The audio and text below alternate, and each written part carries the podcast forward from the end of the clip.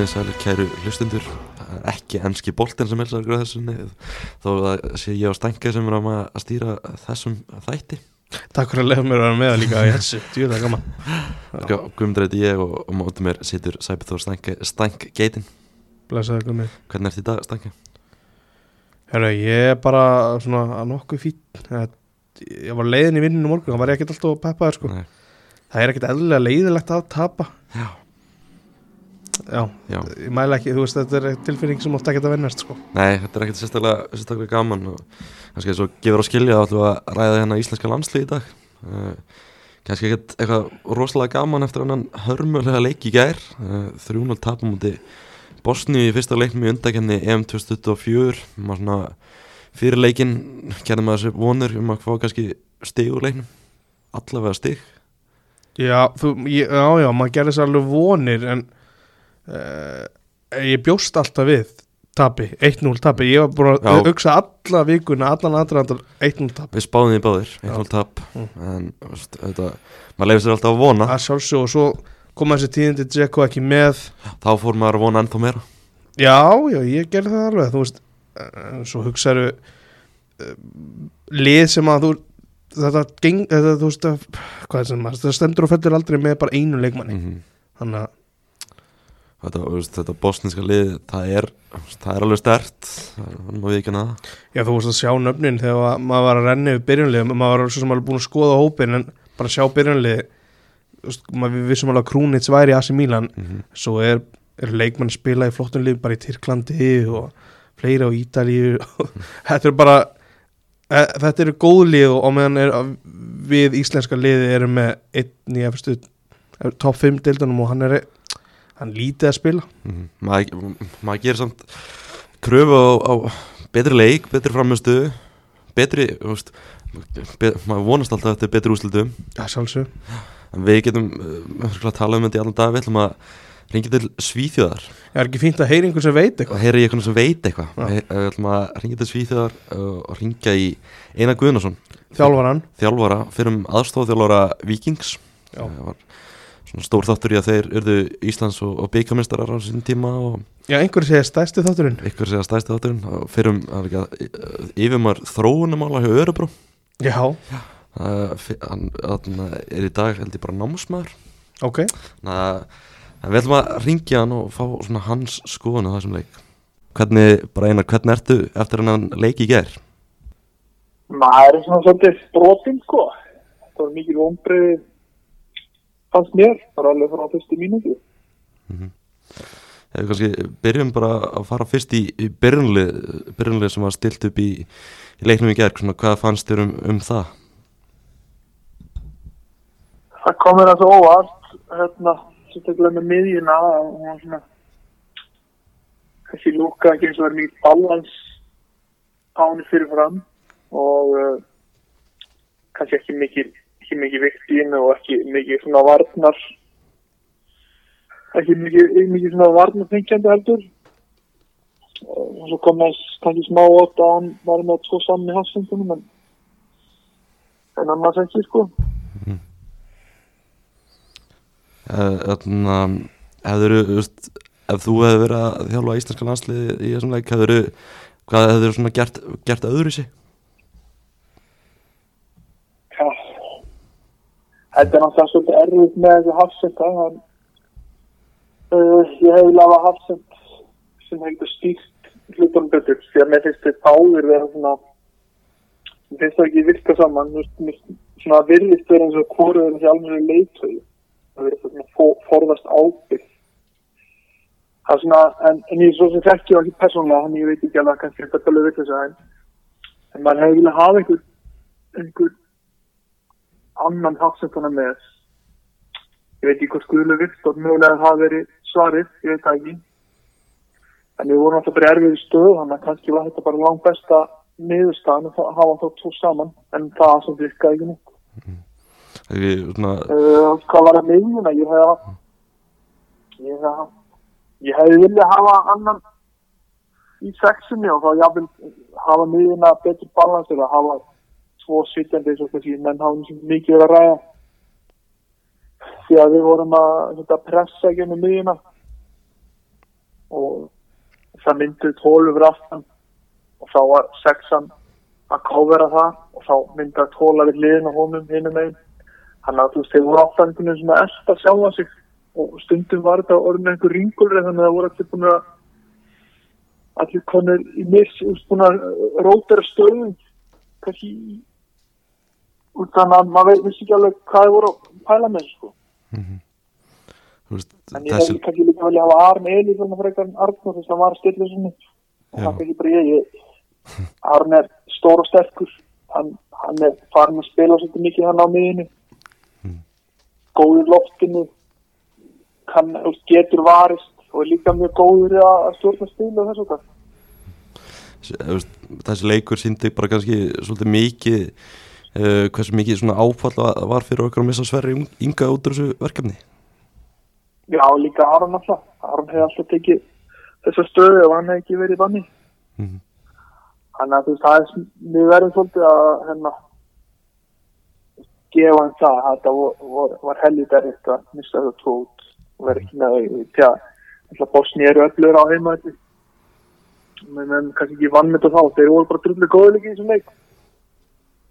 Voru alveg hérna grjótarðir. Við kannski byggjast ekki við svona sterkum og kraftmiklum, ég veit ekki okkar menn virtist bara sem vera bara hálf stjarfir og, og tilfinningi væri að, að bóstimenn var að koma miklu betur út af náðin ég svo sem ekki sinna um tölfræði en það virkaði þannig allan að ná mig Þú veist, þetta 4-1, 4-1 kerfi sem Arnáð við að spila mikið rætt um það núna ertu, ertu hrifin af þessu kerfi? Nei, það nú ekki sko. Allan ekki eins og þeir eru útfærað og þarna þetta er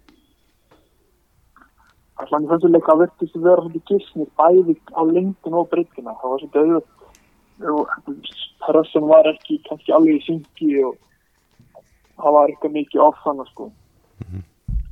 Og uh, ég finnst að veist, íslenska landslegin alltaf bara alltaf að vera kompakt hvað sem er hvað sem er að spila bara þétti tilbaka. Bara eins og eins og fílósofi að var hérna sem best gett sko. En þetta er svona tilfinningin mín er svolítið eins og Arnar ha- hann er náttúrulega með fílósofi og fílósofin hans er kannski hún virkar á mig eins og hún sé.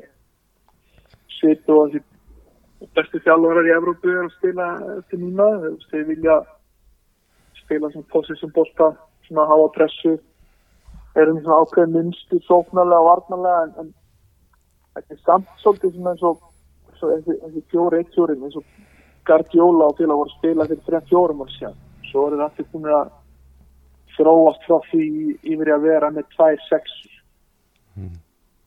þannig að hann er kannski svona þetta er allan ekki alveg virka Þú veist, sá maður ekki kannski bara best í gæðir sérstaklega í svona erfum útilegum undir Bosni og við þurfum að, að spila með tvær, tvær sexur allavega í, í svona leik. Já, við kannski sáum líka kannski í þessum mörgum fyrir tveimur kannski hefði bálansi verið hans betri en kannski ekki ég meina það hefði kannski fyrst bara að hafa einhvern einhvern sem er aðeins svona meira, meira innbyggðan vartanleik í sér heldur um þessu sem voru til þess að koma við fyrir þessu til þess að markmið tvö það er þetta bara það er, erum við svona að koma okkur í stöð og bóttir rekkur einhvern veginn út og, og þá er bara þeirra leikmaður fyrstur átta sig og, og svona aggressífur að vinna bóttana og, og skora. Og meðan við hefum kannski gett meiri kröfur á Jóa Bergarna að vera aðeins meira tánum. Mm -hmm. kannski hef, hefum við haft einhvern einhvern meira varnafengjandi kannski hefði hann geta betur, ég veit það ekki en en svona þá, svona svolítið sást það, skilur, stundum er þetta bara hugafæri, skilur, þú veist, neklaðum burtu, flega sér til og það var ekki þarna, algjörlega. uh, þannig að eins og nefndi líka þú veist, vörnin alls ekki sannfærandi. Davíð Kristján átti mjög erfiðan leik og Hvað vörnin hún var ekki ekki mjög sannfærandi í þessum leik. Nei, það var ekki en en það er kannski bara bundið við þessa fjóra sem voru en alltaf, það er líka kannski bara hlið. Það það er svolítið erfitt veist, þegar hlutin er ekki syngi og þeir fá bara allt fá bara andstængin all á sig og menn, menn framlínan og miðjan voru kannski eh, það var eins og þeir voru einhver aftur í geim en það var línan það veit ekki það var eitthvað en ég, ég veit ekki kannski henda bara að vartanlínundir út með það sko Já, algjörlega þarna, bara kannski fyrir maður í, í leikin sjálfan veist, þetta byrjar mjög illa við náum ekki að setja tónil alveg og veist, Rúnar Ale- Alex húnum að þakka svona svolítið að við bara lendum ekki undir áður en við gerum gerum það svo Já, hann átti að nokkru fína vörslu sko. mm. En, en þú veist, það var ekki að vera að segja á það sko. Þetta var bara, það er eins og okkar menn hafa bara ekki verið alveg tilbúin hann. Þegar þeir bósnimennum voru alveg helviti öflugir og kraftmiklir bara einhvern og, og voru eins og var bara svona keir yfir okkur sko. Ég svo, en, en Rúna var það hann eitthvað til þess að okkurlega sko. Mm En Svo svo kom- kemur náttúrulega fyrsta mark sem að sem var eiginlega bara alveg hægilegt sko. Þú veist það, hérna þeir eru að koma með pæri vangin og við erum með einhverja þrjá í kringum hann en- samt stígur hörðu björgun út úr sinni stöðu hinn að móti til þess að bæta þjóramann hann og hann kemur við það myndast þessi undirtalaðan yfir tegð það sem eru allir nú að fyrir og tvo bara inn í markinu hans sko. en þar sér líka hefði Jói Berg geta fyrst þannig að við skoraði þetta niður veit það ekki Hefði, ef að hefði Björgun hefði haldið sem stöðu þá hefði þetta verið meiri balans í þessu, ég veit ekki sko. þetta var allan að hrikalega þetta var svona hægilegt marka það á þessu sko. Það er eitt í þessu einar sem þú ert að nefna að þú talar um Jóa Berg uh, uh, Arnar segir í viðtali gæðir að bara við Viaplay að hérna, hann hafi veist, að Jóa Berg hafi svona hann hefði, hefði fært hann til á vellinum hann hefði orðið varnar sinna með Arnur Ingva. Tókstu eftir þessu og fannst þér hann fannst þér hann valda því hlutverki? Ég get ekki ekki sagt að hafa litið þann út fyrir mér sko en, en, en hann virkar samt kannski aðeins svona meira tilbaka heldur en Hákon svona köflum. En hann var svona kannski meira til þess að vera bara heldur til að gera eitthvað annað sko. Hann að hann ekki funkar vel hann sko Jói Berg á miðinni í landsliðinu Jói Berg og Hákon var var að spila þarna saman og, heyrum Kára Átnarsson talað um það líka við að playa þetta væri svona svolítið lightweight miðja finnst þeir þurfa meira svona meiri vöðva á svona meiri, meiri styrk Já, það, það er ekki endilega meiri styrk, bara meiri svona innbyggt í mennina varnalíku. Þetta er bara, við erum þrjá sóknar þegar getur menn á miðina. Hákon er ekki spilað sem framherri í sínu liði og Jó Bergrundar kannski getur spila ólíka stöðu með börnlei, en börnlei lið sem er stýrir öllum leikjum og þannig að hann er kannski mikið að droppa neður einhver lágur þar, ég veit ekki, en, en það er líka maður sem er alltaf að spila á kantinu í landslið þannig að setja hann kannski inn í einhverja einhverja hálfgerða sexustöðu, ég veit ekki hvort það funkar vel, hann getur vel á þetta líktanstann, ég veit ekki hvort það á erfið mútileikum þetta Bosni það væri já, já, akkurat. Það væri ótrúlega auðvelt einhvern veginn að segja, þú veist, vera vitur eftir og segja við hefum átt að vera með tvo djúpa eða vera, vera varnasinnaðri eh, þú veist, ef þetta væri, væri þetta bara, ef þetta væri bara einstæmi, þetta væri í fyrsta sinn sem þetta gerist. En við erum búin að sjá þetta í tvö ára móti liðum sem eru jafn góð eða, eða betri en við kannski á pappírónum þá er þetta alltaf búið að vera vesen þannig að af hverju er ekki búið að breyta neinu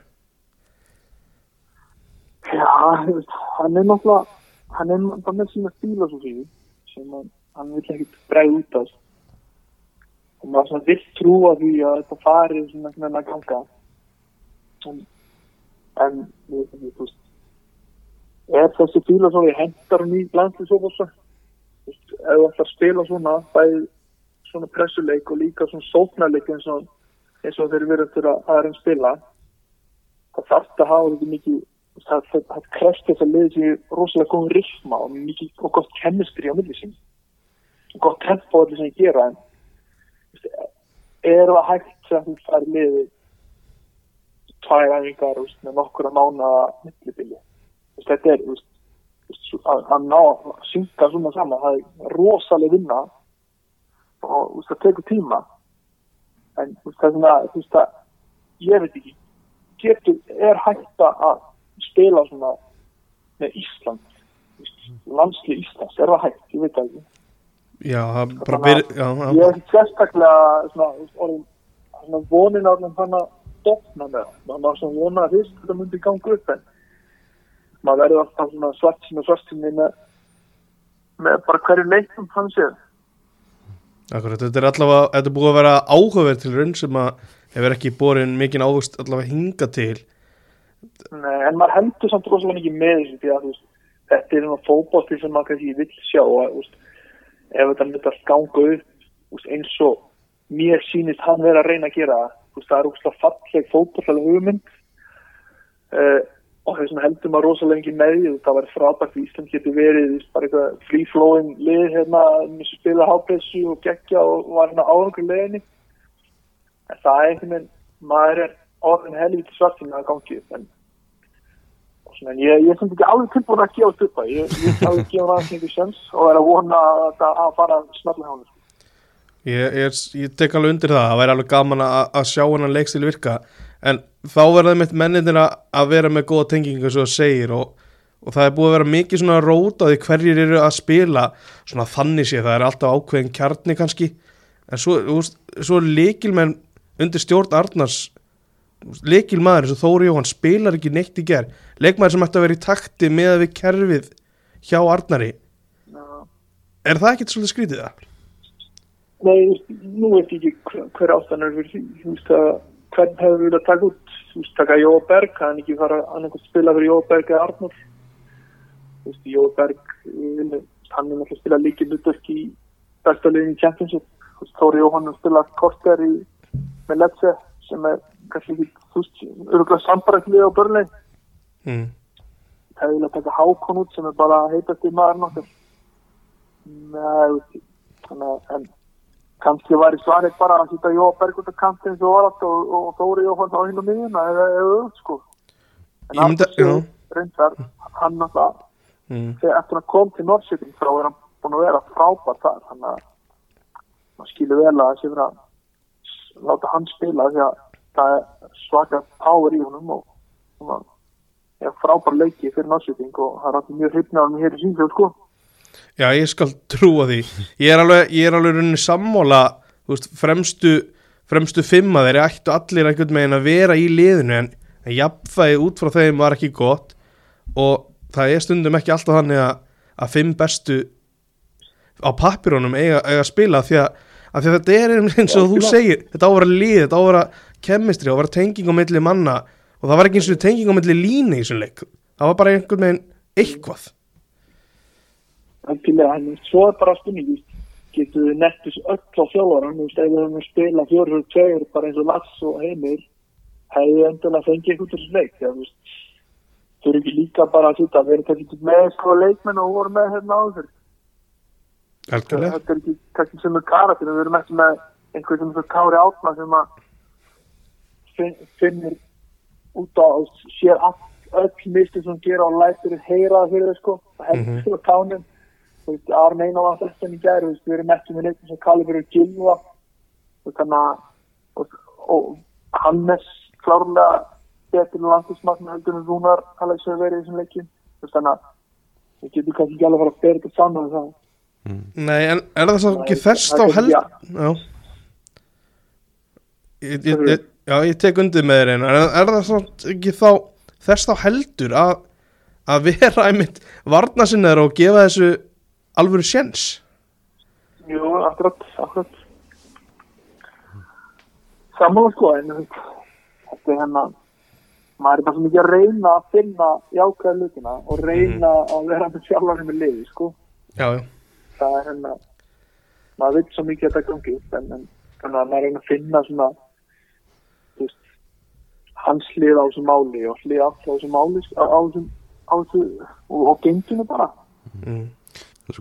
Mjög góða punktur með, með Kára Otna og Strakka sig og svo ertu veist, með leiknum í gæðir Daniel og Hörðu Björgun þetta er alveg rosalega mikill munur á veist, karakterum. Mm, líka eins og Hörður Björgin, ég vil bara það væri náttúrulega best að hafa bara í bakgrunn því að hann svitsa svo doff þessu mögulega eins og þessi fyrsta marki þá er hann náttúrulega hefur ég held verið mest spila þessum vinstri hansandi tryggja manna þá er hann, þetta er þessi svæð hans sem stíga svona út. Í staðan fyrir að ef mann er þá kannski heldur að meira svæðin fyrir hann marki mögulega var, var þetta er bara einhver instinkt í honum að að dragast út. Þannig að það er ekki verið ef hann hefur verið bakur þá er það ekki og að vera með einhver sem er vanar fyrir mann vörð til að standa hann frá markið kannski er það pungra betur og menn já ég ég, ég, kannski, ég hef aldrei verið sérstaklega hefur náðum sem hafsend í fyrir mann vörð en en hann er, er samt frábær ánáttúrulega að vera í þessu liði. Og það var eitthvað annað í bóði hann í gerðin að hafa hann sko.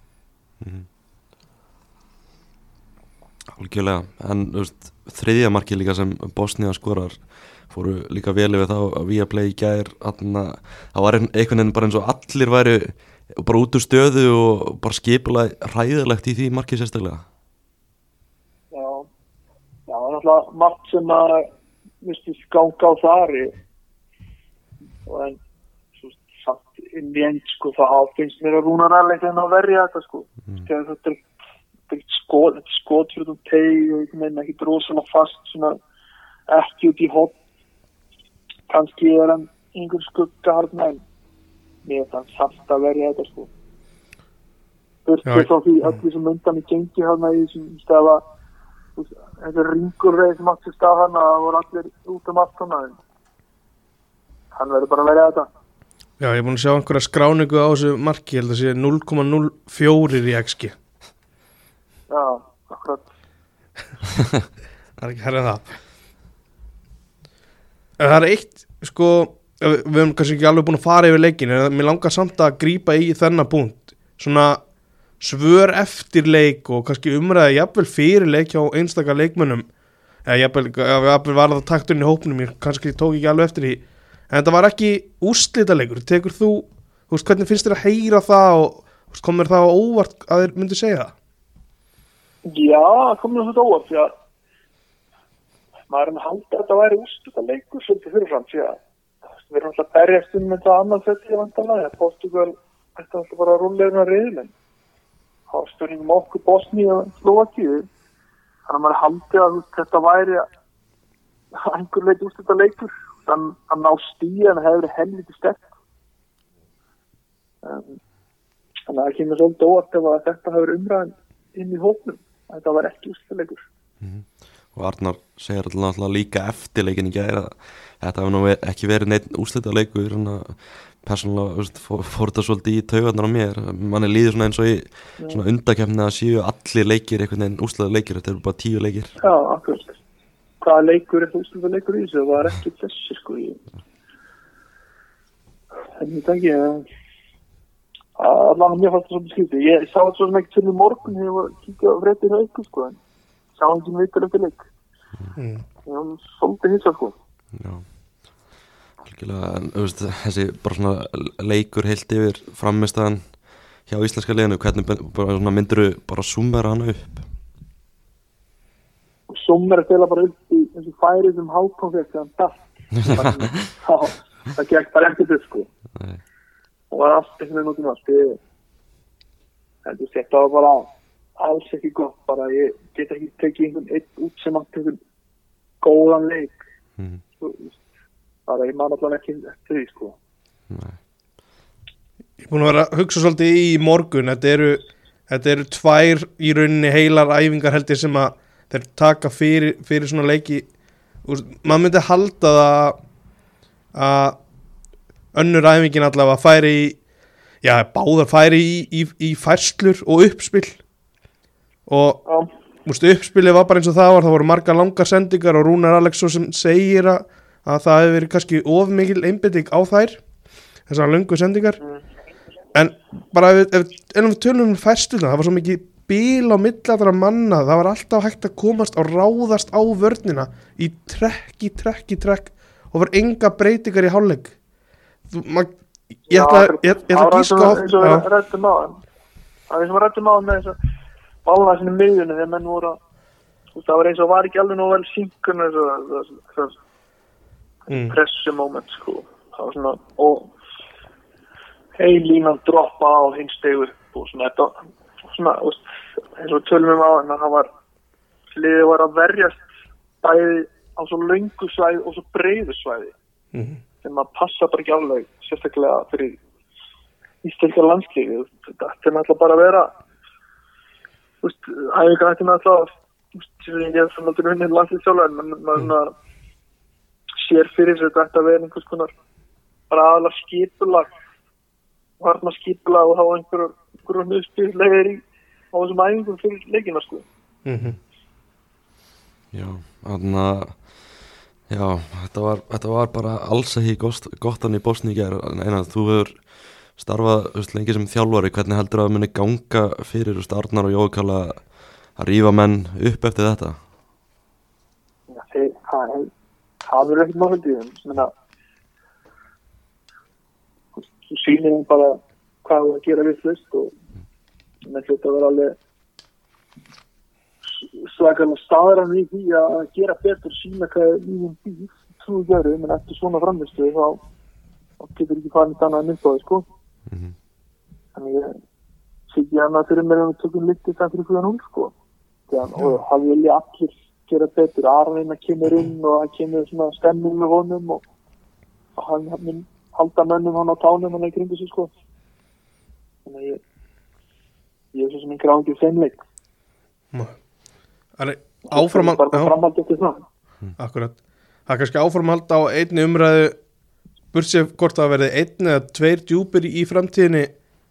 Hver á að leysa þessa stöðu til frambúðar? Ég veit þú nefndir Aron Elís en ertu með eitthvað, ertu með eitthvað sem þú sérði í lengri tíma? Aron er svona svona 29 ára sko. Mm. þannig að það er kannski ekki, ekki framtælust sko. En svona vonandi að Ísak Bergman geti stíðið upp einhvern tíma og tekið einu stöðu svo sem þetta er svo er náttúrulega kannski einhverja sem er að selja út nýlega, menn að Július Magnússon hann er ekki maður veit aldrei hversu langt hann kemst og þetta ennum uh, já, svona, ég myndi ekki kannski margir fleiri hug svona akkurat hann er sport sko. Jafnvel David Dan Dagan, já, hann náttúrulega getur leitt alla stöður maður svona já, hann getur það alveg þessuna sko. Alex Þór Hauksson í Öster. Já, maður, ég fylgst það með honum hann svona, hann er mjög, mjög öflugur og hann er náttúrulega ekki hann er náttúrulega hvað, 23 ára. Hann getur alveg stíðið líka. Já. Ertu að sjá mm. Náttúrulega okkar besti djúp vonandi að Já, já. Að vonandi að Alex bara ríði við sitt um deild núna þannig að hann sé að spila betur á level og kannski hann veit ekki eina inn í lasið mm. Við tökum undir það og, og líka að Júli komast upp í, í Nóri en okkar, svona, okkar besti djúpum miðjumæður Aron Einar veist, ertu að sjá einhvern sem er með einhverja, einhver svona inn á vellinu, þessi karaktersenginni sem hann var með, einhvers þessar leittóahefni líka. Þú veist, jú, jú, Júli er með leittóahefni og það, en veist, er hann sérðu það að hann gæti náð þú veist, eitt, eitt, eitthvað í námyndi það sem að við Aron Einar gerði? Það er neina alltaf svona uník. Það er ekki hægt að líka neina kannski bara ósangjart er hann að líka einhver við hann. Mm. en ég með að hann hérna Ísak Bergman hann kynnt til þess að vera leitt þannig að ég vonandi vonandi hefur eitthvað því sem að svona, pappans og frendur hans og arfans og allir hans kappar höfðu sko. Mm. Þá sér maður að hann geta verið fyrirlið og, og svona stíða einhver leik í, í spórnars arfa sinnar En þú veist, með, með Ísa getur, þú veist, er hann með þú veist, er hann með fysíkinan til að spila svona aftalega á miðinni, þú veist, er hann ekki er hann ekki alltaf svona lítill og, og grannur í það, eða skiptir það öllu máli? það skiptir svo sem ekki öllu máli sko. Hún sé náttúrulega Luka Modric sem er stærn hann. En hérna uh, í einhver svona double pivot miður getur hann alveg spilað Mm. alveg sem þeir með það en kannski ekki sem kannski ekki sem svona eina sexu fyrir aftan að kofur á mikið sko. Hann er líka náttúrulega að ekki glemma að Ísak er rosalega klár og klókulegmaður. Þannig að það er ekki alltaf að hafa físikina líka hausinn. Mm. Komur að því langt. Já, þannig að veist, hann þyrfti að hafa kannski eitthvað með sér hann að svona aðeins aftalega á miðinni Já, nú, við erum svona að pæla svolítið langt fram í tíma kannski. en Því að fótballi breytir svo mikið á einu, tveimur ára sko. Þannig að það er ómöld að setja, að horfa svo langt fram í tíma sko. mm -hmm. Hvað var þetta, þessar stöður? eh, Það er hana, landsmenn eru auðvitað perraðir og ósattir og, og brjálaðir og allir þessi lýsingar og mikil svona reyðin í gær bindist náttúrulega að Arnari landsinsþjálfara, hann náttúrulega fór á frétt, fréttamannafundi í gær og, og sagði að hann ef, efast ekki um það að hann væri rétti maðurinn í starfið. Hann núna könnun á, á fótball.net uh, það er ykkur 600 svör eða eitthvað svoleiðis. Þannig að 90% segja að, að, að það er að skipta hann út strax. Hvað svona, finnst þér um það? Á að gefa hann meiri tíma? Já, ég veit ekki, ég hef aldrei talað fyrir að, að reyka hans sko, en þannig að maður, þú veist, ég, myndi, að- ég er ekki að fara að segja að ég að reyka Arna á þessum dag sko. Mm. Uh, hann, hann er alltaf bara, er- hann þarf bara að finna út úr í hvernig hann að leysa þetta mál og þessi mál. Ég hef alveg trú á því að hann getur það og sérstæðlega með jólukalana liðna sem er sem gert í mig þekk, bæði sem leikmaður og, og fjálfari. Já. Ég, ég heldur að við náðum móka okkur út úr þessu sko, það er bara spurning hversu fljótir eru að því. mm -hmm. Vonandi náðu bara strax og vonandi, þú veist, vonandi bara greina þetta allt vel og fara að gaggri niður þetta og, og ná að leysa, leysa þessi miði og hafsendavandumál. Mm -hmm. Það trú að við verum áfram að berist um annars þetta sko. það, Ég veit ekki alveg, veist, ef þetta reka núna, er komað einhvern byrjurrið aftur. já Það er sérstaklega hérna. Sá, sá strax á svona samfélagsmennum í gæra menn þú veist, menn hafa svolítið mikið verið að tala um veist, þinn gamla samstafsfélag Arnar Gunnlaugsson í svona tengslum við þetta starf heldur að eitthvað tímann í framtíðan að Arnar geti tekið teki við sér liða að hafi áhuga á því Já, hann er ekki að fara að yfirgefa viking fyrir þetta sko.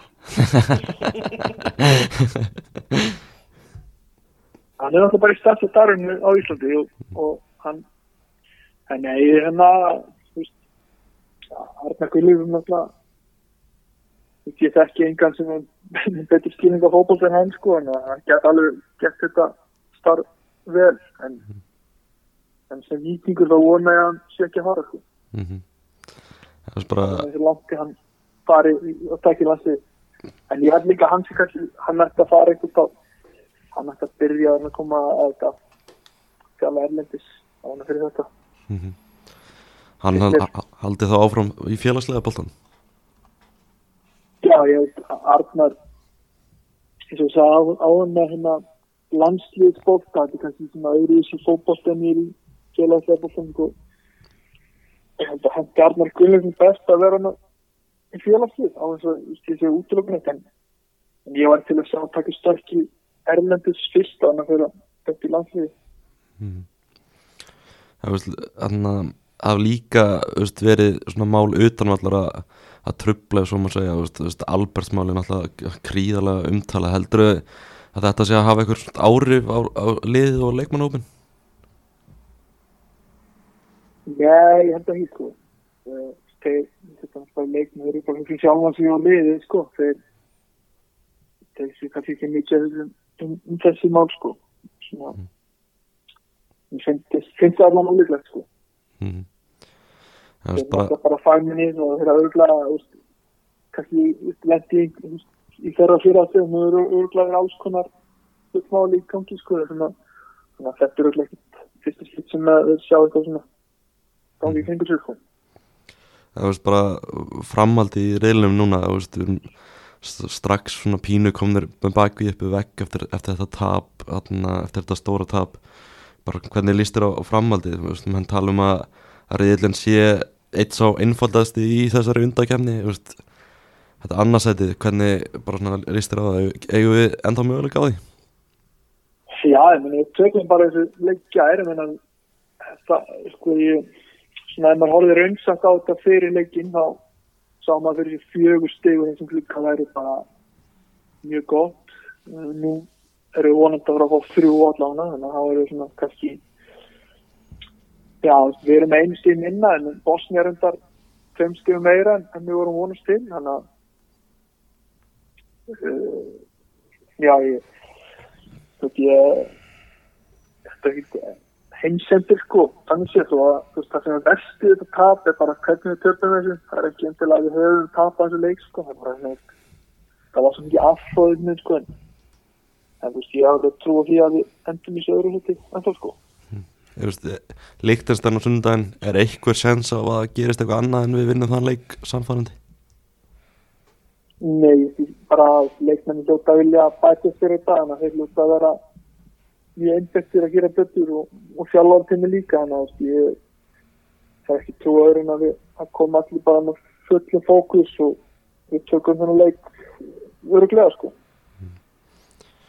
Stengar þetta með, eitthvað meira, eitthvað lög spenningar Nei, ég held að þetta, við séum búin að kjarta þetta svolítið vel bara. Það ekki, Jú, Þeir eru bara einar, bara takk kærlega fyrir að taka síman og vonandi bara, Já, l- bara lífið, sömuleiðis. lífið gott í svíðu Það er gaman að heyra ykkur. Sumulegis, heyrumst, bæ. Hæ. Já, Stengar, þetta var Einar Guðnason frá, frá Svíþjóð, hvað svona fannst þér áhugaverðast í þessu? Eiginlega áhugaverst hann var svona reynda að vera jákvæður í Garð Arnars Já, sem er bara, jú, það er bara alveg flott sko. Mm ef við getum eitthvað út á það að setja það er bara áhugavert. Svona, eh, svona Ísl, Íslendingurinn einhvern veginn, heldur, svona, það reddast. Já, ég veit ekki alveg hvort að það sé hugsunin en bara, þú verður einhvern veginn að líka styðja, þú styður landslið þú verður að sína stuðning, stuðning við verkefni sko, mm sem er í gangi. En bara svona, hver er svona þín líðan gagvart þessu með, með Arnar eins og ég nefndi á hann, það er könnu núna á fótbolti.net, það eru komin hvað, tæplega bara 700 svör. Mm. uh, 600, 670 cirka, þetta er um að taka þetta upp. Uh, 90% segja að það er að skipta númur strax. Þetta er svona, íslensku þjóðinni líður svolítið svona núna. Já, ég var að kjósa í þessu Já. gefur upp. Nei. Eh, Ég er bara mjög áhyggjufullur bara upp á framhaldið að gera ég hef engar ágjur af þessum líktinstæleik eða veist, þa- þannig ég held að við getum alveg verið í smá brasi með að brjóta á niður. Meðan að Portugal tók alveg góðan, já það tók svona 46 myndur þá voru búin að vinna þetta í yfirbyrjun setni sko, já, en við vinnum alltaf. Já það sem ég hef samt meira ágjur af eins og ég var að koma inn á í, við einar í spjallinu sko, veist. Til framtíðar hver er að fara að leysa þessar mikilvæg sexustöðu Já, og ef það hefði verið tveir í gær jú, það hefði sennilega verið betra. En það er, við eigum ekki sexur bara á færibandi sko.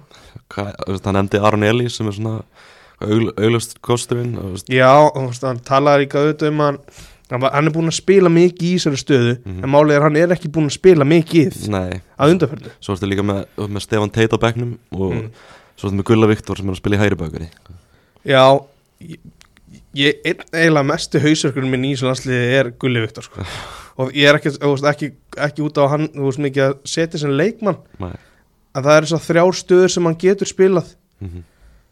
og á pappirunum góðu Mm sem að við svona rindum í kannski fyrirleik þá fyrirleik bara alltaf, við horfum alltaf í pappiruna líka. Þá erum við ágætlega settir með hægri bakvörð í Alfons. Já. En sem hefur samt eh, hann á eftir að spila frábæran landsleik Eftir að sko. spila bara góðan landsleik. Já, algjörlega. Þannig að En þú veist eins og ég leiknum í gær ekki skrítið, þú ert að fara í svona erfiðan útileik á móti svona líkamlega sterkur lið eins og Bosníu. Hafi ekki þetta, þetta stykki sem Guðlu Viktor er inn á miðsvæðinu já bara fyrir myndi á vellinum. Hvort sem það er í hafsenda parinu eða þar fyrir framann sko. mér finnst það. Eitthvað, hann getur líka hlaupið og ég gerir það sterkur er mjög skrítin, skrítin ákvörðan á mín mati. Já, þetta, þetta var aðteglivert Mhm. meira leið en þú veist, með, með Arnar uh, Mm. hvað, hvað segir mér er komin tími á að gera þjálfararbendingu einar, mér finnst einar nefna góðan punkt, uh, skiptum við út núna þá erum við að fara aftur svolítið á byrjunarreitt Nýr þjálfari fær alveg jafn margar æfingar fyrir næsta fyrir næsta líka, hann fær alltaf þessar tvær, þrjára æfingar fyrir, fyrir verkefni en kannski breytir hann úst, ég einhvern veginn velli líka fyrir mig hvað er verið að gera svona milli veist, hvað fær hópurinn að vita Væntanlega eru einhverju ákveðin leikjumenn sem að vita þeir eru bara í hópnum Mhm. hvernig, þú veist, fá þeir punta á milli verkefna Mhm.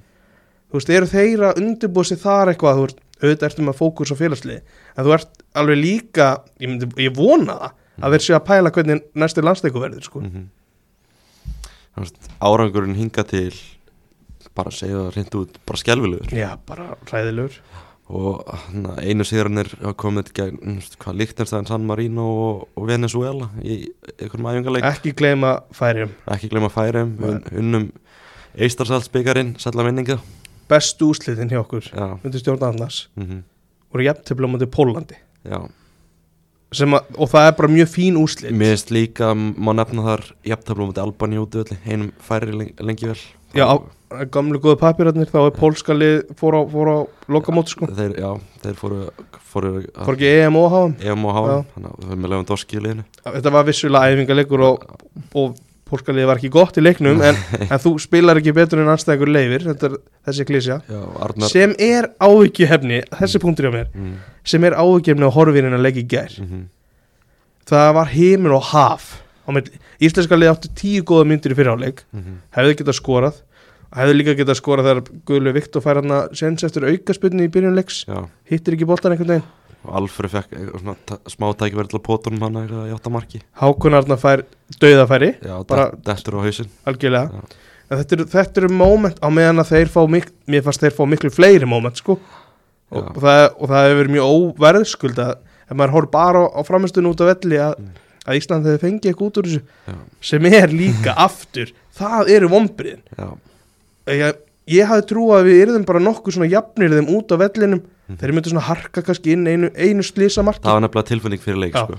það var bara alls ekki raunin. Þetta myndi kannski ráðast á veist, einu föstu leikatrið eða eitthvað svoleiðis. akkurat, það Dzeko að vinna eitt skaplæðum í skilur var, e- fyrir leik þá skrifaði maður fréttina að þrjár stærstu stjórnur Bosníu ekki með í leiknum og bara núna verður við bara að fá eitthvað út úr svona leik sko. þeir voru sennilega samt ég held að þetta bosn, bosniska liða áttu bara sinna allra besta dag sko, það ég held að við erum alveg að gefa um það. Mm og það, þeir söknuðu ekkert þeir söknuðu en, það var enginn af þessu þreymur sem er söknuðu í leiknum.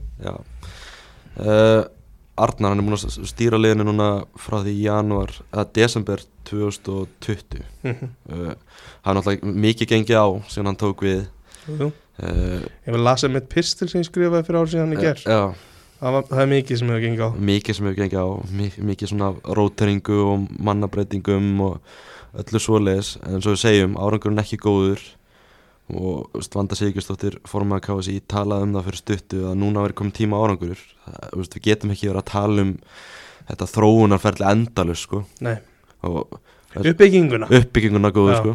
og eins og veist, Kári Átnarsson talar alltaf um sko. hann hatar orðið uppbyggingu þetta er bara landslið þetta er bara result business, Já. landslið Já. alltaf þú átt bara að velja bestu leikmenna og, og þá og ef það er, ef, mitt, ef það er líka þessi uppbygging Mm. þess vegna var ég að henda nafninu Þóri Jóhanni inn í umræðan á hann Mhm, það er búið að vera uppbygging í kringum hann með hann í liðinu. Þú veist, jú, jú, auðvitað eru verkefni þar sem að menn eru tæpir að spila lítið ég veit ekki, hann 0 mínútur. Já, Ísak Bergman líka 0 myndur það var aðeinsvöld já, það, það byrjaði samt að reyndar alveg bara í, fyrir ári síðan sko. á afmælistæðin já, mér finnst það svona já, að vera eitthvað, mér finnst eitthvað skrítið með svona með hans þróun líka í landslýr ég veit að hann er ekki alltaf að spila með FCK og svo leir mm. en já, það ég, ég hef skrifað mitt nokkur orðum um Ísak Bergman og nótkunna á honum. Mm. í sem pisli góða fyrir árið síðan. Já, mælum að kíkja á hann pistil. Uh, næsta leikur náttúrulega mátti veist, maður horfið líka á síðustu undakefni þar sem vorum í mjög auðvöldum reyðli líka sko. já, á, á gömlu góða pappirinn var það klárlega hvað var það? Rúm, uh, Þískaland náttúrulega sem Já. náttúrulega bara rúlaði yfir reyðin eins og Portugal á að gera núna. Rúmenía og Norðumakit Rúmenía, Norður Makedónia og Lichtenstein já, uh, Ar Armenía líka. Ég, já, ég skoði með úrslitin hjá Bosníu. Mm -hmm. Það er töpu held ég fjögur eitt eða þrjú eitt á móti Rúmenu í síðasta leika undan Íslandi. Já. Það, er alveg smá sveifla á milli leikja Það er unnu samt, unnu samt þjóð, Já, sinni reyðli þjóðadeldinni sko. En Ég heldur voru mögulega búin að vinna reyðilinn fyrir þannig leik. en samt tapa fjögur átt Já. mjög aðtilsverð síðast undakefni var, var veist, Arnar í gæra markmið hefur verið að taka undakefna þar með stormi og gera það almennilega. Undakefnin var skelvilegt þar, bara hörmuleg. Mm. Fannst leikurinn gerð svipa svona svolítið til leiksins á móti Armeníu þar á útivelli, töfum 2-0 hörmuleg framist það uh, það var einmitt annar leikurinn þar. Byrjuði mjög illa byrjuði mjög illa núna. Uh, eins og segi síðast undakefni skelvileg við meigum bara ekki við því núna að vera að fórna þessar undakefni var rugl sko. Ég er sammálað því, við hefum að það, krafan er annars það er allir búin að segja það. Já. líka leikmenn og þjálfar, allir ætla sér á EM Já, þá finnst mér svo skrítið að við sem ekki að tala um þetta sem úrslitaleik þetta er Já. sko. það er greinilega búið að tala um það í hópnum eins og Rúnar Alex segir í leik í gær mm. það þarf að vinna fjóra heimaleiki og tvo útileiki þrjá útileiki, það er tvo, tvo átjón stig Já. þá erum við komið með þessi átjón stig sem við þurfum spurning hvort að það dugi, þú veist það getur vel verið að það dugi það getur vel verið að það dýju ekki sko. Já, það getur líka gerst ef að Bosnia vinnur bara allt nema Portugal, þá dugir það alls ekki mm. þannig að þá fór þau 21 stig að þeir tapa á móti Íslandi á lögatarsvelli en minnst þetta svo skri... já, kannski er þetta nálgur sem hefur virkað einhvers þar, ég veit það ekki. Skrítið sko. kannski eru einhver lið sem að hafa farið inn í riðil um eitt fjórir heimaleikir, tveir útileikir og það bara virkar. En af hverju eru við búin að ræða það núna? Þetta eru bara þessi tveir leikir sem átt að ræða. Já, Bosnia og Liechtenstein. Svo eru þú veist, svo er tími fyrir að, að fundum alls konar annað sko. Arnar tala náttúrulega líka um þetta sko, á fréttamannafundur leik þá hann spurður út í þetta hvað veri ásandlegur árangur í þessu verkefni. Og hann sagði ég er ekki bara að horfa þetta verkefni, ég er að horfa árið 2023 Já, verkefnið er árið 2003 Þetta er rauninni bara gluggi sem hann orðar ekki sem verkefni. Já, Já, það, er, það, er, það er ákveðin nálgun en það er, er það þá ekki greinilegt að það er búið að ákveða að Arnar klárar alltaf þessu undirkefni Jú, ég, held það sko. Já, uh, Mér fannst það líka svona svolítið fyrir leikin þá voru menn svona svolítið að tala lítið einhvern veginn um þennan leik Ég veist, ekki hvort það er rétt orðið komist menn voru svona að þetta var ekki aðaleikurinn Já þú veist það, ég, það, ég hjóla eftir umælum Jónsdags fyrir leik Mm. að það er ekkit þú veist að það gerist ekkit skellust ef, ef við töpum þá þá var komin hugsunháttun mögulega að við getum tapast. Þetta á ekki að vera hugafæri sko. En, en mér finnst það ekki Mm. kannski, kannski er það Mm. ég er ekki, hef aldrei ná svona langt í íþróttum, það má mjög langt frá því sko. Pælir í sko, hvernig þetta væri að, Lass og Heimir væri með þetta sko. það hef bara verið talað um að við ætlum að ná í úrslit í þessu leik og það verið krafa úrslit. Já, og mun líka veist, að það og Lass ef að framistæðan hefði verið góð þá hefði verið hort í það. Já, þannig fengum við náttúrulega hvoruft í ger núna hefur líka svolítið, það hefur komið svona aftur í umræðan að Arnar tók svona svolítið allt bara út úr þessu. Og Allert sjúkurþalur er margst að datt út og Já, já. Þóri komið þráins, Lars Gamalt. Allt, allt þetta dæmi að mikið, svona, svolítið tala um það á þess samfélagsmiðlum að þekkingu þannig Þekkingen farin. Já, ég veit ekki hvað við erum að rýna mikið í það það er svo langt síðan maður. Já, en já, ef við erum að gera upp þjálfara til Arnars þá sjálfsögur gerir það. Mm. Eigum við ekki að einbytta okkur að, að þessum leik? Nefndum okkur á þessum leik. Já, fari í, í já, hvað er með þetta? Helva Geir Magnússon var náttúrulega á vellinum í gær og hvað sagði hann þetta að vera eins og hvað er eitthvað fang? Já, pyntingaklifi Pyntingan klefi, já. Aldrei verið í pyntingaklifi en þetta var örugglega svipað á það. Já. Voru, voru vist eitthvað keðiðreikjandi þannig í stúkunni bósnýmenn það er hörgur stemning, já. Það er svona austur-európsk stemning hann í Senica, fangelsinsbænum já, uh, Einhverjunar um, Rúnar Alex 5 já, bara okkar, mínum að okkar besti maður í, í leiknum. okkur að lífi þarna framan af sko. Það er ótrúlega skrítið að segja það töpum 3-0 en markmaðurinn var líklega okkar besti maður Þú veistu hvað, ég sé marga leikið Master United þar sem að það er líka. Ég veit að það er leiðilegt að vera eitthvað að tala um að þú veist ennska boltan okkar en það maður hefur bara séð þetta svo oft skil Já, en þriða marki átti, hann átti svo sannlega kannski að gera betur þar. Já, já, klárlega á hann að gera betur en aðdrandi því marki er bara hlægilegur. Mm. Þetta er, sko, að horfa á þetta og það var hægt að spila trúða tólinn stundir sko. Já, hvað er, maður sér eiginlega ekkert veist, í aðdæmið þess þá sér maður eiginlega ekkert nema bara hvíða treyju sko Ég, ég voru ekki bara, veist, voru ekki bara svona átta fyrir aftan bolta eða eitthvað. Já, eins og uh, maður, og það er inn í vítið þig sko. eins og ég fóri yfir hann í gæra og að play að bara allir einhvern veginn út úr stöðu. Já, og veist, hvað er Arnór Yngve að gera þarna? Já, til hvers, uh, maður veldur oft fyrir sér, þú veist, til hvers gerur eitthvað Ég held að það er margir sem að munu spyrja sig til hvers var ég að gera þetta hörðu Björgun að dekka vittlösa mann að Daví Kristján í vittlösa stöðu og Hákon. Arnar komin í stöðu sem hann á ekki að vera í og, Þetta er auðvitað góð punktur á einari að hörður spilar sem vinst, vinstra megin í þryggja manna vörð Mhm. og auðvitað hefur það áhrif á fæslur líka bara í, í einmitt svona momentum og, og bara almennt í varnarlegin en hann, þetta gerst bara náðast í hverjum leik fyrst mér að það kemur eitthvað eitthvað bara furðulegt upp, upp frá honum sko Já, maður var svona orðin svolítið spenntur að sjá miðuraparið hann að hörðu Björgun Sverri Ingi í þessum leik var mjög spenntu fyrir því já. veist, þá er hörður kannski komið með eitthvað leiðtóa svona við hliðina á sér sem getur stýrt honum sko. það er alltaf tilfinningin sem að færa einhvern veginn að, að þú veist, það, við munum eftir að hafa hort á Sverri það er svolítið langt síðan þetta við sáum að með landsliðinu að þá var það tilfinningin að hann geti einhvern veginn stýrt hlutunum Já, já, það verður að koma í ljós næst þegar hann kemur tilbaka já, Guðlu Viktor fær þrjá einhvern mér finnst eiginlega, svona, þegar maður pælir meira og meira í því það er svona bara pínu synd að geima hann í hægri bakgrunn mér finnst það, þú veist, ekki gera lítið úr hægri bakvarastöðin en, það þurfti bara það þurfti meira presens á hættusvæðunum. Já. Og alltaf þegar, alltaf þegar Bosnia komst nála tegnum þá skapaðist þetta. Mér fannst bara um leiðu komist yfir miðju var, var ég óðan stressaði sko. og, og raunin var að þeir komist oft bara alveg fárul oft í hættulega stöður eftir þeir fóru yfir miðju mm -hmm. Daniel og Gretarsson fær tvo um, erfu leikur hjá honum það, veist, það er ekki langt síðan veist, Daniel Leo var bara ekki inn í myndinni hjá landsleginu sko. það farið fjög, fimm ári aftur í tíman veist, hann, Fjö, það er bara 2021 höstið það voru allir held ég Já. eða gott ekki verið eða kom, ekki til greina eða eitthvað þá var hann ekki að spila á Blackpool og ég held að næstu verið googla bara Icelandic Defenders og hann fannst sko. Hann kemur hann inn í byrjunlegi í gær fær tvo, Hörðubjörgun fær þrjá. Þetta Já, bara, og svo, svo það sem tekið fram versti leikur Daniel sem að hefur alveg átt bara fína leiki þannig. Mhm. en hann er, samt, hann er ekki á þessu leveli sko. Og þetta er ekki, ekki miðvarapar sem við viljum sjá mikið oftar hérna landslegin Nei, þetta var jafntöflis miðvaraparið já, við viljum fara að breyta því sigra þá kannski þurfum að breyta um miðvarapar Já, það er kannski upp á uppspil og annað sem Mm. við erum að reyna að ge- að gera eitthvað af sko. Þú veist, það, það getur alveg verið líka leitt til þess að það eru fleiri langar sendingar. Já, af því að uppspilið er bara högtir út, út, út, bara frá, frá þeirra leikstíls já það er ekki gott upp á uppspil að vera með tvo örfætta miður held ég Nei, það getur verið trikki Já, Daniel Leo samt, við sáum eina rosalega sendingu frá honum í gær. Já, já, skapaði alveg fínt færi. Það er, það er ágætis löp á þeim báðum sko. Já, eiga það alveg Mm. uh, Davíð Kristján Ólafsson, hann var búin að fá svona svolítið hæp á síðust ári sérstaklega eftir leikamöndi Albani þar sem hann var mjög góður í. En hann vil gleyma þessum leik sem fyrst. Já, líka hans langversti lang, landsleikur sko. Já, Amar Dedic leikmar Red Bull Salzburg hann bara eldað Já, hann var ekki að grína á hann já, bara Já.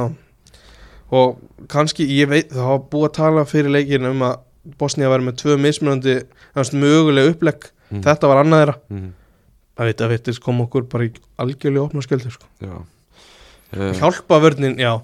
Það var eitt gott sem að hérna, Kári sagði ekki er að þekki nú ágætlega að verjast. Hjálpavörn bara í nánast öllum stöðum var bara off. Já maður, veist, þeir tóku þarna nokkur dag í munn hérna, Mm. æfingar. Var ekkert verið að fara yfir þetta eins og líka á myndbatsmyndum og svo leik Ég myndi halda að eins og ég sagði á hann þetta verður fæslur, þetta verður uppspil. Það var eina sem gerir þú veit ekki eitthvað rosalega mikið í einhverjum skotæfingu með Nei, ekki. Auðvitað skýtur eitthvað á, þú veist, keirir markmann eitthvað í gangu og eitthvað. Eð, ég, æfingarnar eru le leiðalega, ég myndi gera bara ráð fyrir að landsinsæfingar séu mjög leiðilegar og eigi að vera það, því að þetta eru fæslur og þetta eru uppspil, Já, bara endalaust í þannig einu og hálfa tíma eða hvað þú ert lengi á æfingunni sko. mm Arður Inga Traustason settur, þú veist, þú skrifar góða grein í gerðar um að veist, hann var ekki þarna í þjóðadeldinni tók ekki þátt í einum leik þar. Nei, það var ekki þar. Kemur inn í byrjunlið í þessum leik spilar djúpar á miðju, ekki staða sem sé að hann spila oft með landsleginu meira út á kanti. Hann, er, hann hefur oftast verið út á kanti og er í grunninn sóknar sinnaður mm. það kemur svolítið óvart að hann sé djúpur miðjumæður þetta var samt einn af þeim möguleikum sem að velti fyrir sér þegar hópurinn er valinn. Af hverju er Arnór hann, er ekki valinn enda sem kantmaður, það var alveg morgun ljóst. Já. en hann var ekki að valda þessu hlutverki.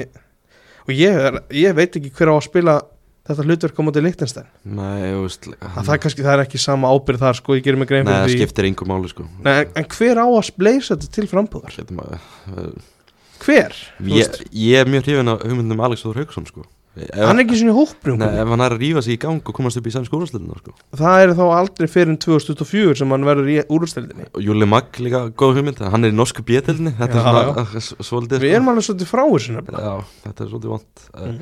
en maður, svona, maður horfði á hann að leiki í gær sko, þá vorkendi maður eiginlega bara Arnur Ingo já, ég klálega var, við sáum þetta á móti hvað var ekki Þískaland fyrsti leikur sem, hjá Arnari? Já, Þú veist, Aron Einar okkar besti maður já í þessari stöðu mm okkar langbest hann var með hafsjó af svæði sem það þurfti að kofira og það var allt í rugli Já. allt og það held áfram í, í næstu leikjum eftir sko. Já, og sáum það líka gera hann var með endalist að svæði til að kofra og já bara hann gat, ég veit ekki hann hefði þurft að hann að klóna sér svona fjóru sinni það var hann kannski val, þú veist, verið nokkuð öflugur sko. Já, og veist, bara erfiðu leikur og maður sá kannski líka smá hann er ekkert vanur að spila þessa stöðu sko.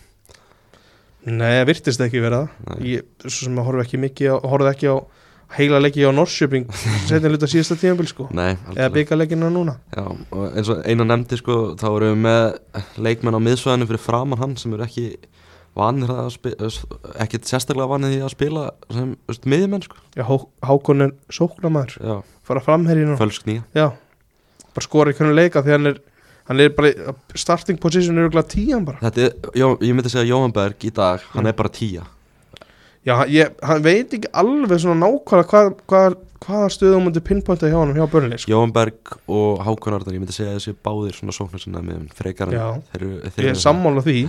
En, en svona starting position hjá Jóa er kannski bara 8 slass 10 skilur Já, í börnleik sko. Þetta er þetta, eins og við sögum að þetta er mjög skrítin miða svona, eftir á kannski alveg afskapla sóknar Já, að- fara í leik á mútið Bosníu sem þetta verður hark, verður bara átta. Að fara með þessum miðið þennan leik sko. og hún, við reyndum að pressa. Já, og, og svo sem veist, var- byrjaði vel. Byrjaði vel, já, ég veit ekki. Vandamáli með, að- ef þetta var að fara að virka Það er svo langt, eða var að fara að virka Þegar þetta var að fara að klikka mm Þá er svo langt frá þessum sókna sinnaðu mönnum -hmm. Í varnanlínuna þar sem að Bosnímenn gáttu tekið endurista ákvörðunum Hvernig þeir ætla að sækja á og maður sá líka veist, þegar við fórum upp í pressinu hvað miðjan var galopin Mér fannst þið pressa bara alltaf hátt líka. Bara leggja tilbaka og ver, bara pressa frá miðju sko. Eða, þú veist, á miðjunni. Jón Berg, Arnur Ingur far fjóra Jón Berg far, nei, Jón, Arnur Ingur far þrjá Jón Berg far fjóra. Og oft sé Jón Berg spila miklu, miklu betri landsleiki já, já, já, já, klálega veist, eh, mönnum er náttúrulega ákveðum morgun mm finnst mér. Uh, hvernig var Jóhann Berg með boltan fast, hvernig fannst það? allt, allt í lægi svona, veist, Mm. átti fína tilraun og góður aukaspinnur hotspinnur Mm. en þannig að ekkert sérstakt sko. Það snýst um að koma á Rúnar Alex kom líka inn á þetta. Mm. koma okkur færastu mönnum á boltan Já, við vorum ekki að skapa neitt sko. Vorum ekki að gera af því. Vorum ekki að, veist, að finna það á réttum stöðum. Mm. uppspili var högtandi og ég, bara, þetta var bara mjög vond gummi, Já, mjög vond. Mjög vant uh, Fyrir leikin í gær þá voru nú einhver að tala um Hákon Arnar sem næsta að gilfa sig. Já, hann er 19 ára sko. Hann er 19 ára, mannstu hvað Gilvík Sigur var að gera 19 ára? Hann er ekki retting jú, varstu hvað hann búið með marga landsleiki? Nei, engan, nei Hákon Hann- Hákon er á frábærum stað Hákon er á frábærum stað og hann mun fara ennþá lengra. Klárt mál. Uh, en þessi leikur maður, Gilva sig líkingin er, er alveg sko já, þeir, þeir eru náttúrulega ekki þeir eru ekki líki leikmenn sko. Nei, mann finnst það ekki. En mér finnst það ekki. Uh, Hákon alltaf eins og segir þú veist, 19 ára. Ég held að líka Gilvi sé veist, auðvitað, ma- mann maður eftir honum aðeins setna sínu ferli hann al, var alveg svakalega skinsamur hann var, hven hann var að pressa Mhm. og hvar hann var staðstöður á vellinum. Mm þú veist, kannski var það líka út frá Aron Einar hvernig hann var að stýra honum fyrir fram að sig. -hmm. Þú veist, Hákon er, hann er, bara elskar að pressa. En það þarf að vera eitthvað taktur í þessu. Já. Við aðra leikmenn. Uh, eins og eina sagði á hann þetta sumera svolítið bara upp framistu Íslands og framistu Hákons þannig að hann datt á hausin hann í döðafærinu já að, þetta, já, þetta var í eitthvað þetta var, já, þetta var svona eitthvað grátbróslegt eitthvað en bara, bara ræðilegt Hákon mun eiga betur landsliki og leit sannlega ekki vel út í þriðamarkin nei, uh, Arnór Sig fær 5 besti útileikmaður Íslands í leiknum. Það var bara, mér finnst það bara nokkuð bjartur eða bara allan leikin Já. Og Arnó, mér finnst Arnó verið að koma svona að sína það loksins að það á síðast ári líka mm. bara hversu góður hann er. Hann var besti leikmaður íslenska landslisins sem fyrir sko, -hmm. Mér veist það.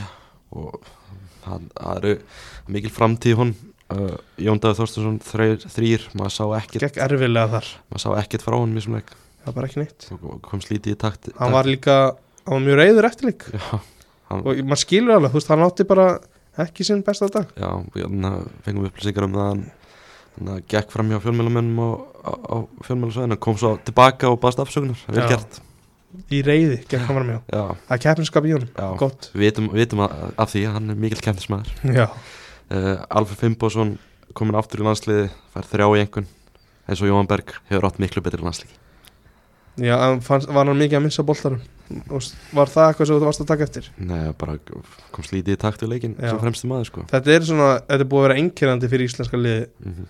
framherjun okkar fær aldrei góða, góða engun þó hann leggir sér mikið fram þó hann hlaupi hendalaust þó hann, þetta er svo óeigingert hlutverk að vera fremstur Mhm. í liði sem að núna er að vissulega höldu við mikið í boltan en þetta er, já, þetta er, er ekki, þú veist fremstur í, í einhverjum þegar taktlösu liði. Mhm. Þú veist, Alfreð hefði sennilega, sennilega alveg getur bara fengið fimm skilur Já, þetta var bara heildin á liðinu var bara mjög vond.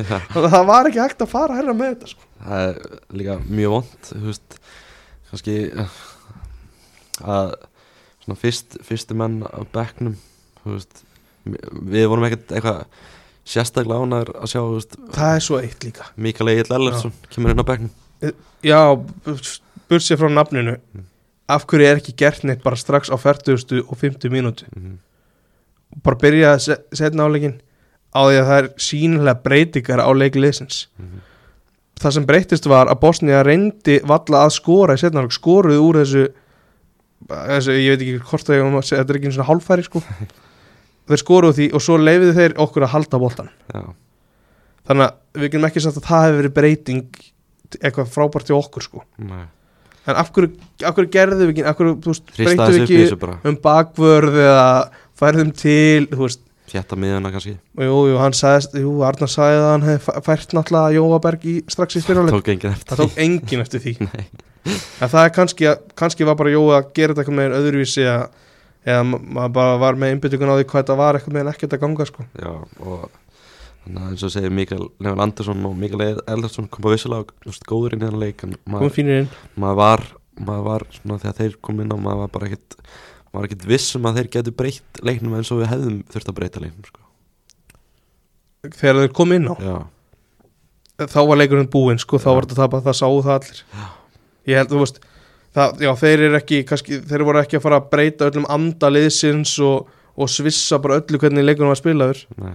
Ég tek alveg undir það hjá þér. Mm en það var við, það er svolítið síðan hvað svona impact varamæður. Já, er ekki svolítið síðan við verið með svoleiðis? ég er að tala um það sko Alfred Fimbo kannski veist, En- já, eitthvað svona, já, Við erum ekki með þannig leikmann á veist. já, en ég, þú veist, ég man við höfum ekkert verið mikið að snúa svona glötuðum leikjum Við ge- okkur vil man- í gegnum tíðina sko. mann eftir gerðum á móti Norður Makedóni í, í 2021 já, þannig að við lendum tvölun undir Já. vest að farmist að ég séð það var, já, það var eitthvað 70 myndur af þróti ég var ekkert Það er eðlilega rétt við- pyrrað sko. við breyttum, breyttum þar. Já. og auðvitað komum tilbaka á móti Sviss fyrir löngu síðan en, sætla minninga en ég man ekki eftir eitthvað svona eitthvað alvöru, alvöru 3-0 svitsi sko hjá okkur. Já, þannig að kannski minnast á tölfræna úr þessum leik. Mm. þannig að hann er alveg, það er skemmtilegt að horfa hann maður er ekki sé- séð þetta oft á Íslandi í, í gegnum tíðina. Uh, við erum 62% með boltan mjög mikið. Mjög mikið. En við gerum bara nákvæmlega ekki neitt við hann. Kannski bara fyrir hann á síðustu 5 mínútum leiksins eða eitthvað. Þá áttu við hann eitthvað þrjár tilrauninni Já, Jón Berg með skot, Hákon Arnum að skella Mm. sem það var skemmtilegt að var gaman að horfa hann á markmann hjá Bosni já, hann var líf í hún alveg eru sjóans markmann sko. Hann var þannig með tilþröfum hann Hákon skallaði að marki og boltin virtist að vera frá framhjá mm. og hann tók alveg vöslu. Uh, við erum 62% með boltan uh, 0,67 XG sem er ekkit sérstaklega gott en Bosnia með 1,23 ég held að þeir var nú með meira. Ég hef haldið það líka. Uh, mann er leiðið svona í fyrirleik eins og staðan geti verið 5-0 í hálfleik. Já, klálega uh, en stangið bara næsti, næsti leikur sunnudagurinn á móti Líktarstæn Já, ég hef með veist, pælinguna við hefum náttúrulega farið á til Líktarstæn og, og tapað segjum svo svo að, að við fyrir til Líktarstæn vinnum 1-0 og Mm. mm. framistæðan er svipað á móti San Marino í fyrra í vinnáttunarslunum Mm. hvað, hvað gerist þá? bara í samfélaginu það er að í samfélaginu, Já, það er náttúrulega búið að kalla eftir höfði Arnars, ég veit ekki hversu oft mm það verður bara háværara það verður bara sömu, þetta verður svona já, þetta svona bergmannshellir sem heldur áfram sko. Þarf þá þarf að, að taka hérna, fund með bara þessum helstu nöfnum í landslinu, einhverju leiðtóar sem að já, bara einhver í KSI ákveður hverjir eru, -hmm. ekki þjálfarinn þú veist, að það, það verður að vera hlutlust í því -hmm. þeir bara, tek, veist, þeir bara spurðir vil, viljið þið hafa þetta svona, viljið þið halda þessu áfram Mhm. það verður einhverja og landslisnefnd og svona verður líka verið í þessu skilur taka, taka stöðun á þessu og hvort að hvort að þeir haldi að það sé hægt að snúa sér við. Þeir verður bara að vera hreinskilins leikmenn, við erum bara að taka alvöru fundir já algjörlega. Við, við erum náttúrulega eftir að sjá hvernig þessi leikur fer alltaf en við erum bara að velta vöngum sko. Já, maður líka pælir í hvort þessi líktarstæðleikur muni breyta ykkur miklu sko. þetta er líktarstæð sko. já, það er árun ekki að vera það er ekki að vera spurning, við erum bara að vinna með þeirri mörgum sko. Þrejum með fjórum mörgum að minnsta Já. kosti. Já, 3-0 er bara lámars kraða einhvern veginn, mm. 2-0 það ég er ég er ekki eins og að ræða, að ræða. En, en það er annað í þessu kannski. Það voru ágætis úrslit held ég fyrir okkur. 0-0 hvað Slovenia Slovakia sig. Móti Luxemburg. Luxemburg ég held það tapar stig í reylinum ég held að við megum ekki svo Luxemburgi sem við riðli sko. það sem að við þurfum að sjálfsögja vonast er til að að hérna, þessi tvölið ná í úrslit á móti Bosni miða við úslitin í undanfunnum leikjum hjá Slóvakju þá eigum við að vera betur en þeir. Já og þá vantalega eigum við að halda að Bosnia vinni Slovakíu á sunnundaginn þeir eru búin að tapa mútið Azerbaijan og Kazakhstan sko. en svo horfum við líka í úslitin í okkur og maður pælir sko. eigum við að vera betur en þeir? Já ég, við þurfum ekki að spá endilega gagvart okkur. Mm en að því að Bosnia er að fara að mæta Slovakíu -hmm. heldur að Bosnia vinni það? Já, já, við, við myndum halda það fyrir leik. Leikin sko. en við þurfum að vona að gerist ekki. Já, að vonast eftir að tapir stig þar svo þurfum við náttúrulega bara að vinna Bosni á heimaðalli það kemur í. algjörlega það, verður- er, það er núna orðin það- úrslita leikur það, það verður við, ég held að það verði ekki hægt að segja neitt annað en að það verði úrslita það verður ekki hægt að segja neitt annað sko. Mm. uh, en já, klálega mikil pressa á Arnari og þjálfara teiminu að rífa þetta í gang að, eins og við sögum þetta, þessi riðil við eigum bara allavega að vera í baráttunum annarsætti, við, við eigum bara að vera í þessu öðru sætti sko.